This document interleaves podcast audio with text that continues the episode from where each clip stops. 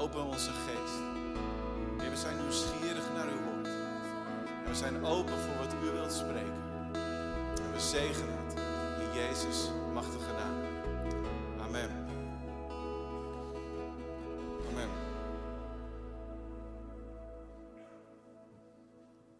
Ja, u maakt alles nieuw. Wat een geweldige belofte om, uh, om uit te zingen. En het is een belofte waarvan we, als je deze woorden ook weer hoort, waarvan je aan de ene kant proeft, dat is iets voor de toekomst. Maar zoals uh, Tolkien het zo mooi zegt, in de tijd waarin we nu leven, zijn er echo's van de eeuwigheid. Er zijn echo's van hoop. En door de serie over de zaligsprekingen weten we ook dat het nieuwe niet alleen maar iets is wat komt, maar dat het nieuwe er ook is. Jezus die bewerkt en die wil ons een nieuw leven geven. Een nieuwe manier van leven. En daarom zijn we de serie ook geopend met de troonrede van Jezus. Omdat koning Jezus aankondigt in die bergrede hoe zijn koninkrijk eruit ziet. En hoe hij verwacht dat wij daarin leven. En hij biedt ook die verandering en die levensvernieuwing aan ons aan. De enige weg om in dat koninkrijk te leven is door geloof. Door vertrouwen dat wat Jezus heeft gedaan voor ons, dat dat genoeg is. En dat dat redding en verlossing brengt. En dat dat dus een nieuwe kwaliteit van leven mogelijk maakt. Jezus biedt prachtig nieuws voor mensen die anders zijn. Mensen die arm van geest leren leven en die zeggen: God, we staan voor u en we leven voor u met open handen. Zelf kunnen we het niet, alleen u kunt het. We mogen troost ontvangen als we verdriet hebben, allereerst over onze eigen zonde. En ook als we verdriet hebben over pijn of verlies waarmee we te maken krijgen. En Jezus wil graag en hij roept ons om zachtmoedig, hongerig en dorstig naar gerechtigheid, barmhartig, um, om nederig, om zuiver van hart en om als vredestichters door het leven te gaan. Het is naar mijn idee in ieder geval ontzettend verrijkend en leerzaam geweest om de zaligsprekingen de afgelopen maanden te bestuderen en ons leven te zien veranderen. En vandaag komen we bij de laatste, bij de achtste en mag ik zeggen een pittige zaligspreking. Jezus die zegt als laatste, lezen jullie mee, gelukkig wie vanwege de gerechtigheid vervolgd worden. Want voor hen is het koninkrijk van de hemel. Gelukkig zijn jullie wanneer ze je omwille van mij uitschelden, vervolgen en van allerlei kwaad betichten. Verheug je en juich, want je zult rijkelijk beloond worden in de hemel. Zo immers vervolgden ze voor jullie de profeten. Nou, sommige uitleggers zien hierin twee verschillende, omdat er twee keer staat gelukkig. Maar naar mijn idee is het tweede deel, vers 11, is een toelichting, een uitwerking van het eerste. Wat is vervolging? Je wordt uitgescholden, je wordt achterna gezeten, nagejaagd en je wordt van alles beschuldigd. En Jezus die zal het heel vaak over vervolging hebben. Vervolging is onvermijdelijk voor mensen die Jezus volgen. Die rechtvaardig leven op de manier die wordt beschreven als in die eerste zeven zaligsprekingen. En nu Jezus het voor het eerst over vervolging heeft, zegt hij, verheug je daarover. Juich. Nou, ik weet niet wie van jullie zou juichen als de politie hier voor de deur staat om te zeggen, de kerk gaat dicht. Maar Jezus zegt, gelukkig ben je. Nou, ik beschouw mezelf niet bepaald als een angsthaas of een doemdenker. En als mensen om me heen dan wel eens heel angstig praten over, moet je eens kijken waar het op tv allemaal over gaat en welke morele waarden daar worden verkondigd. Uh, dat mensen leven op een manier die we niet kunnen rijmen met de Bijbel. Oh man. En dan denk ik, joh, maak je niet zo druk. Ten eerste, wat verwacht je van mensen die zeggen dat ze God niet kennen? Dat ze gaan leven zoals God wil? Tuurlijk niet. En laten we niet bang voor die mensen zijn, laten we ze te meer lief hebben en een getuige zijn. Maar toch ben ik de afgelopen week wel bewust geworden dat het belangrijk is om het te hebben over vervolging. Deze zaligspreking is ontzettend belangrijk omdat het ons meer dan ooit dwingt om te kiezen. Waar staan we voor en voor wie staan we? 11 november stond er een artikel van een Amerikaanse dominee, Andrew Brunson, op uh. En hij heeft twee jaar vastgezeten na een onterechte beschuldiging in een gevangenis in Turkije. En zijn boodschap is, er komen moeilijke tijden voor westerse christenen. Nou, dan word ik altijd een beetje achterdochtig, maar met deze zaligspreking in het hoofd dacht ik ja. En hij zei, de vastberadenheid van gelovigen zal op de proef worden gesteld. De druk om zich te conformeren aan de heersende mening zal toenemen. En hij stelt ook, als we ons nu focussen om ons voor te bereiden op vervolging, kan dat ons helpen tijdens de vervolging om vol te houden. En als laatste nog één citaat van hem. Hij zegt, ik heb geleerd dat ik hem niet werkelijk kan kennen als ik geen gemeenschap heb met zijn lijden. En zelfs als we zijn aanwezigheid, Gods aanwezigheid niet voelen, zal hij ons niet in de steek laten. En als de situatie moeilijk en zwaar wordt, zal hij je hart behoeden. Vertrouw op hem, zie op hem en hij zal je er doorheen loodsen. Het zijn de woorden van deze predikant die soms door een heel diep dal ging in een gevangenis daar in Turkije. En het is niet leuk om het hierover te hebben, maar we moeten beseffen, dit is wel de realiteit. We kunnen niet onze ogen hiervoor sluiten. We kunnen niet denken, ach, het zal wel wat meevallen hier.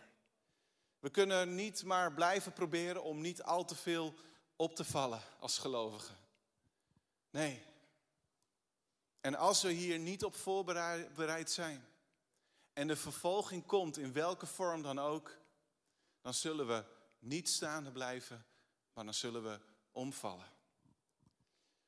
Nou, ik wil vandaag beginnen met het herformuleren van de vraag in het thema van deze preek. Gelukkig als je vervolgd wordt, vraagteken. Ik wil daar even van maken, gelukkig als je niet vervolgd wordt. En ja, het antwoord op die vraag is toch ja, gelukkig. In Nederland worden we niet vervolgd. Nou ja, misschien ben je een keer uitgescholden. Misschien ben je een keer uitgelachen.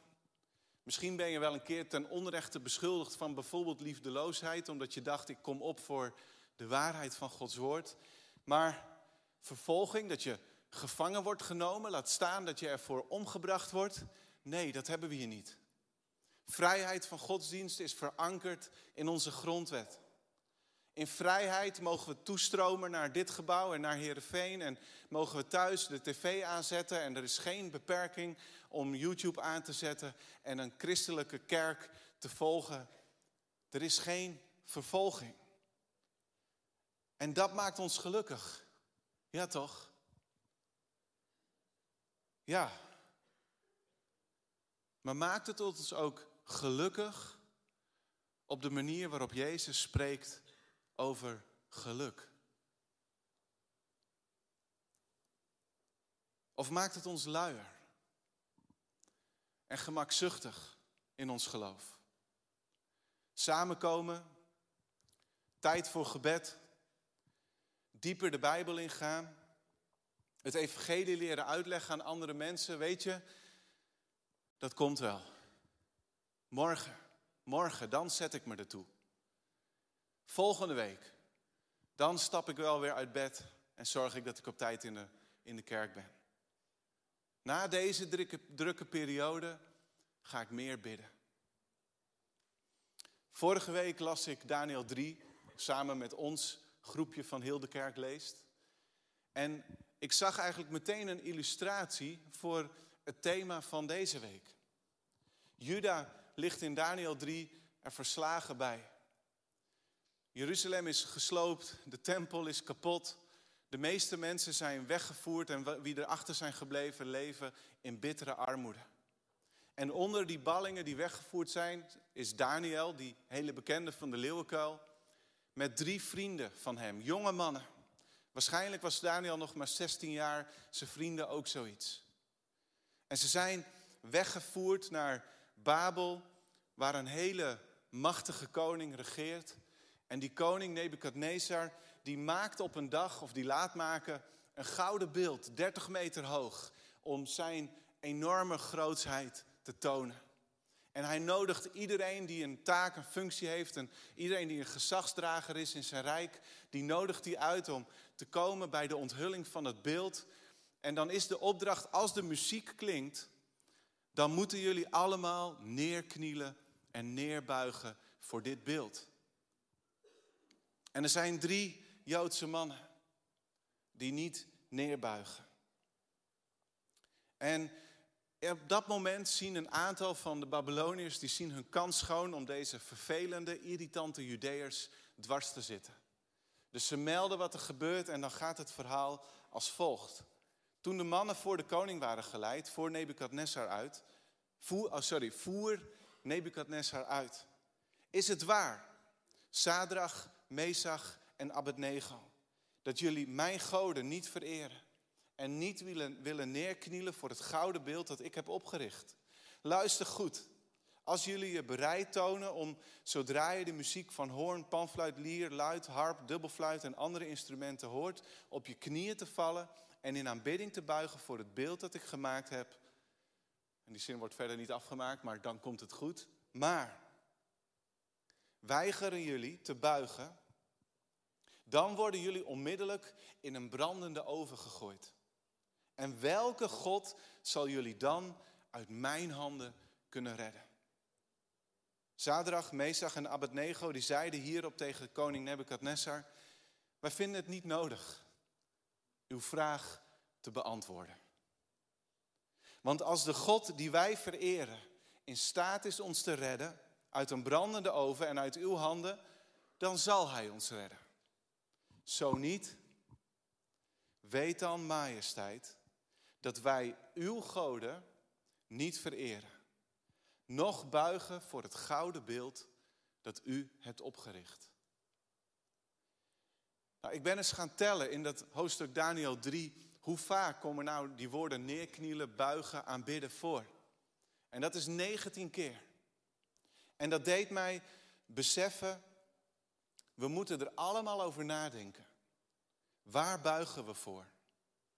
Wat of wie krijgt de eerste plaats in ons leven?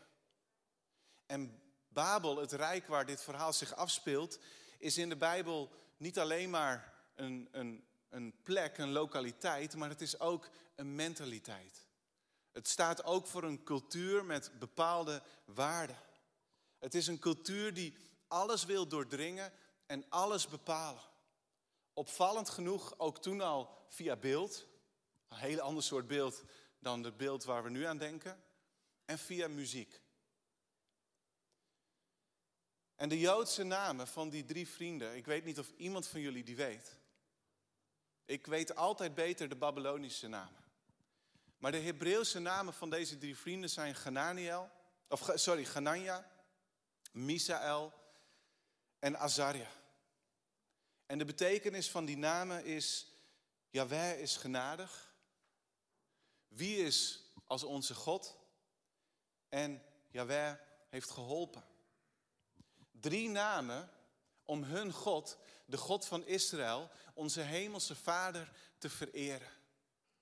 En het eerste wat Babel probeert bij deze drie mannen is zeggen: we nemen jullie de namen van God af. De eer van God nemen jullie af en we geven jullie namen om onze goden groot te maken. Ze, ze doet haar best om de toewijding van deze jongens om hun loyaliteit om te buigen naar de goden van Babel. En in het oude Midden-Oosten wordt iemands naam vaak gezien als de drager van identiteit. Dus de naamsverandering is bedoeld als een symbool dat de mannen niet langer verbonden zijn met God, en met Juda. En ze doen hun best om hun cultuur op te dringen aan deze mensen. Maar dat is Babel niet gelukt.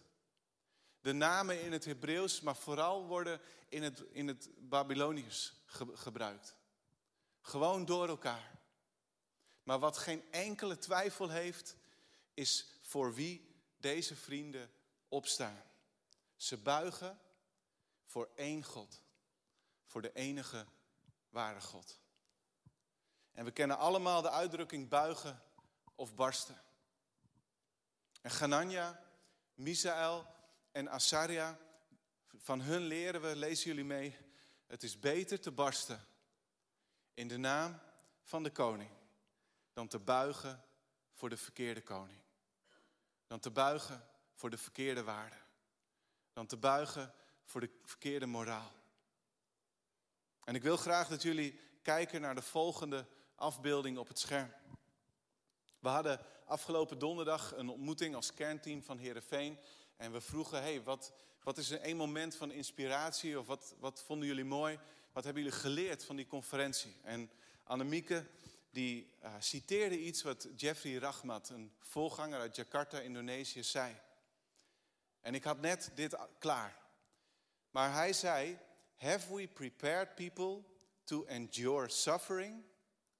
Or have we pampered people? Dus hebben we mensen voorbereid op lijden, op vervolging? Of hebben we ze gepamperd? Dat is een belangrijke vraag om te stellen als kerk. En twee weken later, na die conferentie, gaat het hier over vervolging. En je kunt proberen te streven naar een comfortabel leven. Je kunt de confrontatie, je kunt de weerstand tegen wat je gelooft vermijden door het te verzwijgen, door er voor weg te lopen als er een kans is om een getuige te zijn. En dat zijn die eerste twee. Maar je zult zien dat het leidt tot een verzwakt geloof. En uiteindelijk tot een doelloos leven. Gelukkig als je niet vervolgd wordt? Nou, nee. Want dan bereik je nooit het diepe geluk dat Jezus voor ons voor ogen heeft in de zaligsprekingen. Dus het is eerder, lezen jullie mee, gelukkig als je vervolgd wordt. Als je nederig van hart bent, als je zachtmoedig en barmhartig door het leven gaat, als je hongert en dorst naar gerechtigheid, als je zuiver van hart bent, als je een vredestichter bent, dan zul je vervolging tegenkomen. Omdat je een rechtvaardig leven leidt. En vanwege die gerechtigheid is vervolging onvermijdelijk, in welke vorm dan ook. En vervolging en onze voorbereiding op vervolgen, vervolging brengen iets tot stand wat een comfortabel, lui en gemakzuchtig christelijk leven nooit tot stand kan brengen. Open Doors, ik denk bij heel veel wel bekend, is een internationale organisatie die zich inzet voor christenen die worden vervolgd. En het betrekt ook de redelijk comfortabele kerk op die vervolgde kerk. En hun website leert ons het aantal christenen dat onder zeer zware of extreme vervolging leeft, is afgelopen jaar opnieuw toegenomen. Vorig jaar naar 312 miljoen christenen. Buiten de top 50 van de landen waar het het zwaarst is, zijn er nog een keer 47 miljoen christenen die lijden onder onderdrukking en vervolging. Dus in totaal zo'n 360 miljoen gelovigen hebben hiermee te maken. Vervolgende christenen zijn voorbeelden voor ons. Ze maken ontzettend veel pijn en lijden mee. Hun toewijding en moed, trouw en vergevingsgezindheid doen ons aan Jezus denken. De getuigenissen van vervolgde christenen sporen ons aan om, net als hen, Jezus na te volgen. Wat de gevolgen ook zullen zijn. Nou, hoe kunnen we nou die cirkel van een comfortabel christendom doorbreken. Allereerst, leef vrijmoedig in de kracht van de Heilige Geest. Leef vrijmoedig. In Handelingen 4, als de kerk net is ontstaan, dan is vrijmoedig een kernwoord. Petrus en Johannes die waren op weg naar de tempel en ze werden bij de poort van het tempelplein aangesproken door een verlamde man. Die zijn leven lang verlamd was geweest. En hij zei, hebben jullie wat geld voor mij? En Petrus zei, geld heb ik niet. Maar wat ik wel heb, geef ik jou. In de naam van Jezus, sta op. En die man stond op en het hele volk is onder de indruk en aanbidt God. En de Joodse leiders zijn er niet blij mee. Dat de naam van Jezus wordt gesproken en wordt vereerd. Dus ze zetten Petrus en Johannes gevangen en de volgende dag verhoren ze hen en verbieden ze hen om nog langer het over Jezus te hebben. En Petrus en Johannes die zeggen, dat kunnen wij niet doen. Zeg het nou zelf, wie moeten wij meer gehoorzaam zijn? God of jullie? En de leiders weten niet zo goed raad wat ze moeten doen. Ze denken, we kunnen Petrus en Johannes nu niet straffen, want die man die genezen is, die loopt daar rond. En het hele volk prijst en looft God. Dus ze spreken hun nog een keer dreigend toe, staat er. Ze zijn heel streng. Heb het niet meer over Jezus. En dan mogen Petrus en Johannes naar huis. En dan komen ze bij de andere leerlingen en dan bespreken ze dat. En dan roepen ze eensgezind God aan. En dan staat er in Handelingen 4 vanaf vers 29, wel nu Heer, sla ook nu acht op hun dreigementen en stel ons, uw dienaren, in staat om vrijmoedig uw boodschap te verkondigen. Door ons bij te staan, zodat zieken genezing vinden en er tekenen en wonderen gebeuren in de naam van Jezus, uw heilige dienaar. Toen ze hun gebed beëindigd hadden, was het een, een mini Pinksterfeest all over again.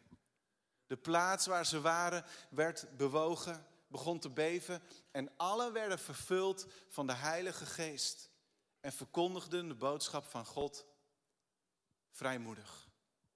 Dat betekent zonder angst. Ze zijn net bedreigd. En toch is hun gebed, Heer, geef het ons dat we vrijmoedig spreken in uw naam.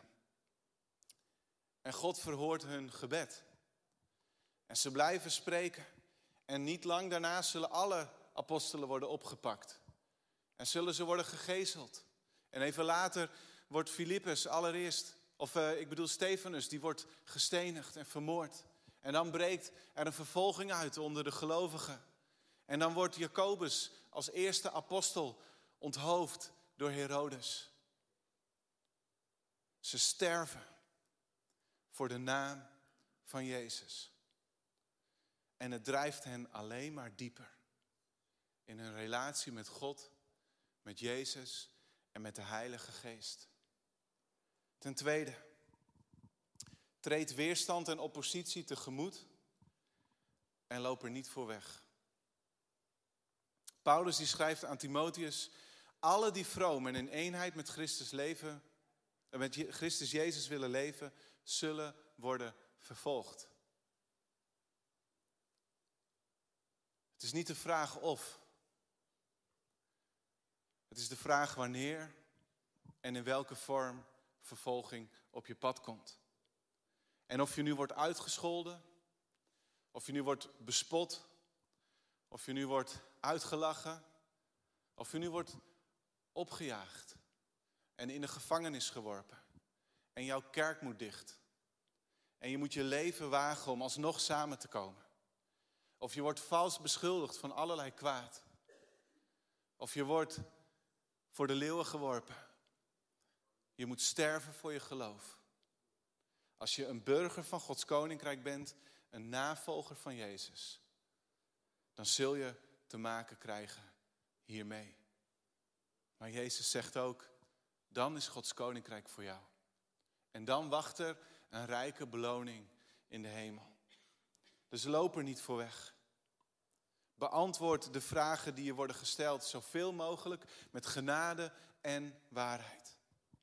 Wees niet bang als ze je uitlachen. Sterker nog, met de woorden van Jezus en met de woorden van de apostel Petrus, wees verheugd.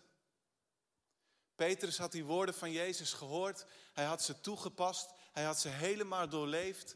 En toen schreef hij een brief. En ik, ik zou die woorden helemaal willen uitleggen, maar dat kan niet omwille van de tijd. Maar luister heel goed. Drink deze woorden in. 1 Petrus 3 vanaf vers 14. Daar staat, maar zelfs als u zou lijden, omwille van de gerechtigheid, dan bent u toch gelukkig te prijzen. Wees daarom niet bang voor de mensen en laat u door niets in verwarring brengen. Erken Christus als Heer en eer Hem met heel uw hart. Vraagt iemand u waarop de hoop die in u leeft gebaseerd is, wees dan steeds bereid om u te verantwoorden, om het uit te leggen. Doe dat vooral zachtmoedig en met respect. Houd uw geweten zuiver. Dan zullen de mensen die zich honend uitlaten over uw goede levenswandel in eenheid met Christus zich over hun laster schamen. Het is beter te lijden, indien God dat wil, omdat men goed doet, dan omdat men kwaad doet. Wees gelukkig. Niet als je lijdt omdat je de verkeerde dingen doet. Maar wees gelukkig als je lijdt om de gerechtigheid. Ten derde, wees dankbaar voor de groei van je geloof. Niet voor gelovig cruisen. Ik dacht, hoe moet ik, hoe moet ik dit zeggen? En toen dacht ik aan een cruiseschip. En ik heb niks tegen een cruiseschip. En als je wilt genieten van een cruise, ga je gang. Maar bij een cruise denk ik aan ontspanning. Aan niets moet even. En ook aan luxe en wilde en vaak overdaad. En bioscopen en zwembaden op de schepen. En het is prachtig om het een keer misschien mee te maken. Ik heb het nog nooit gedaan voor een vakantie. Maar als cruisen door het leven jouw levensdoel is, dat zou volgens mij niet zo moeten zijn. Dat is het niet het leven wat Jezus schetst voor ons en wat zichtbaar wordt in de zaligsprekingen. Dan blijf je niet groeien en dan draag je geen vrucht voor Gods koninkrijk. Paulus heeft zelf geleerd en hij leert ook ons, lezen jullie mee. Daarom schep ik vreugde in mijn zwakheden, in beledigingen, in nood, vervolging en ellende die ik onderga omwille van Christus. Want in mijn zwakheid ben ik sterk. En als je kijkt naar de context van deze woorden, dan kun je heel goed beargumenteren dat die zwakheden eigenlijk een woord zijn voor lijden omwille van Jezus. Hij zegt, ik ben een aantal keren geslagen met stokken, met zwepen. Ik ben gestenigd. Ik ben in doodsgevaar geweest. Ik ben door de woestijn gegaan. Ik ben bedreigd door rovers. Ik heb schipbreuk gelegen, geleden. Maar in deze zwakheden, in deze vervolging, verheug ik mij, omdat ik daarin sterk ben. Dus vervolging had hem niet doen afdrijven van Jezus en van zijn geloof. Nee, integendeel. En dat is wat we tot op de dag van vandaag zien. En Open Doors zegt het ontzettend mooi. Lees jullie mee. De indrukwekkende getuigenissen uit de vervolgde kerk maken duidelijk hoe belangrijk het is dat we diep wortelen in ons geloof. Vervolgde christenen leven vaak het meest vervuld, leven soms blijer dan wij met hun God en leven dieper geworteld in ieder stukje woord van de Bijbel, of het één zin of een hele Bijbel is, dan wij. En daarom schep ik vreugde, zegt Paulus. Hij kan niet anders dan helemaal terugvallen op God en Jezus achterna gaan. En hij zegt in de brief aan de Romeinen, en niet alleen hierin, maar wij roemen ook in de verdrukkingen. Omdat wij weten dat de verdrukking volharding uitwerkt. En de volharding beproefdheid. En de beproefdheid hoop. Wil je hoop? Wil je echte hoop? Wil je overtuigd zijn van hoop? wees dan bereid om door de verdrukkingen te gaan. En ten slotte, ervaar de vreugde van Jezus nabijheid in het leven nu en in de toekomst. Even terug naar dat verhaal van Ganania, van Misaël, van Azaria. Ze worden in een oven geworpen. De mannen die hun erin gooien, die vallen niet in de oven, maar die sterven door de gigantische hitte. En ze vallen erin.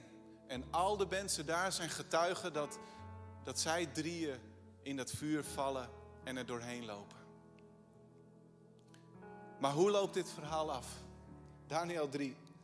Er staat, toen sloeg de schrik de koning om het hart.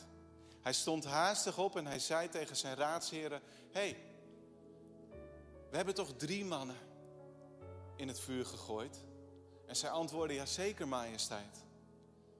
En hij vervolgde: Maar ik zie vier mannen vrij rondlopen in het vuur. Ze zijn ongedeerd en de vierde die lijkt op een godenzoon. In de oven blijken deze drie vrienden er niet alleen voor te staan. De God waarvoor zij blijven staan, letterlijk en figuurlijk, laat hen niet in de steek. En hij is bij hen. Hij stuurt een engel in dat vuur. En als ze eruit worden gehaald, dan zijn hun kleren en hun haren niet verschroeid. Er staat, ze, ze ruiken niet eens naar vuur. Er mankeert hun helemaal niks. Ongedeerd. En zo mogen wij weten, juist in de vervolging en onze voorbereiding daarop is Jezus bij ons.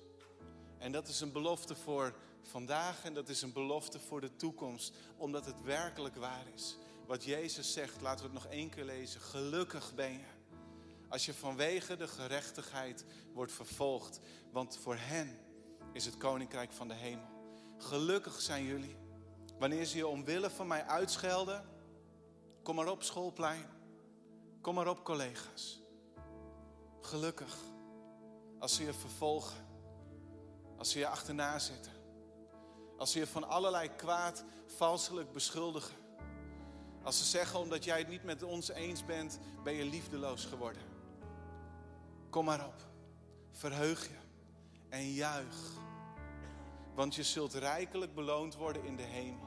Zo immers vervolgden ze voor jullie de profeten. Ik wil jullie vragen om te kijken naar het tweede plaatje. Een andere cirkel, een andere cyclus. Een gelovige die niet kiest voor een cruisend leven. Niet voor comfort, maar die vrijmoedig leeft, zoals die discipelen. En weet je, dan zul je weerstand en dan zul je oppositie tegenkomen, maar treed het tegemoet. Wees bereid om te antwoorden. Wees bereid om te delen welke hoop in jou leeft. En weet je, je zult groeien in je geloof. Je geloof wordt er zo veel dieper van. En het resultaat is een vervuld, een vreugdevol leven. Dicht bij Jezus. Charlotte Campbell, die zegt: Kijk niet naar het vuur, maar naar degene die met jou door het vuur gaat. En dat is heel simpel waar ik mee wil eindigen. Weet je, wij moeten bereid zijn om het hele gemakkelijke het gemakzuchtige, het luie christelijke leven achter ons te laten. Het is belangrijk om hier te zijn iedere week. Het is belangrijk om naar je connectgroep toe te gaan. Het is belangrijk om een taak en een bediening te vervullen hier binnen de kerk en buiten de kerkmuren. Het is belangrijk om je Bijbel iedere dag open te doen. Om juist als je druk hebt, de tijd te nemen om te bidden.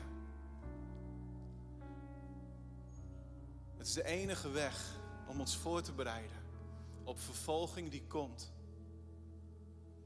En die vervolging is er al. Maar maak je klaar. Wees bereid. En besef, onze ogen zijn op degene die met ons door het vuur gaat. Waar we ongeschonden uit mogen komen. Zullen we met elkaar bidden. Lieve Vader, dank u wel voor de maanden die we hebben gehad, waarin we de troonrede van uw zoon Jezus mochten openen. Jezus, u bent onze koning. We beleiden het opnieuw. En we willen niet gehoorzaam zijn aan de muziek en aan de beelden en aan de cultuur van Babel. Heer, we weigeren om het nog langer tot ons door te laten dringen.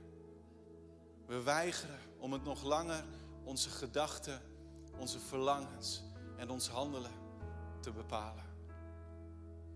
Maar Heer, doortrek ons hart, doortrek ons ziel, doortrek ons hele wezen met uw woorden. We willen burgers zijn van uw koninkrijk. We willen opstaan voor u. We willen blijven staan als er ons wordt gevraagd om te knielen, om te buigen voor iemand of iets anders. En we danken u, Jezus, dat uw belofte is dat uw koninkrijk dan voor ons is vandaag. En dat we in de toekomst mogen uitzien naar een heerlijke beloning. U wilt het ons geven. En we prijzen u. En we bidden, Heer, dat nog ook de komende weken, als we verder gaan op de connectgroepen, als we het materiaal gebruiken in onze stille tijd, als we lezen met heel de kerk leest, Heer, dat we dieper gaan in onze relatie met U en met Uw woord. En Heer, ik bid dat wij, net als al die gelovigen die lijden voor U, dat wij mogen zeggen, oh Jezus is alles. Ik ben verheugd. Mijn hart juicht. Niet door mijn omstandigheden, maar omdat ik Jezus heb.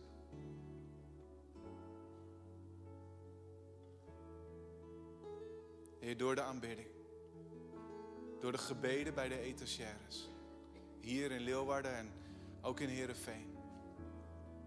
Heer, bid ik dat we op zijn minst de eerste stap zullen zetten. Uit het comfort. Naar een leven vol doelgerichtheid. Vol leven. Vol getuigenis. Vol kracht van uw geest vol geluk. Echt geluk. In Jezus' naam. Amen. Zullen we gaan staan, mensen? Zullen we God aanbidden? Ik wil u uitnodigen ook naar de etagères in Heerenveen en hier in Leeuwarden. Er is een gelegenheid om voor je te laten bidden en maak daar gebruik van. En ondertussen gaan we onze God, gaan we onze Heer aanbidden en mogen we naar Hem toe groeien.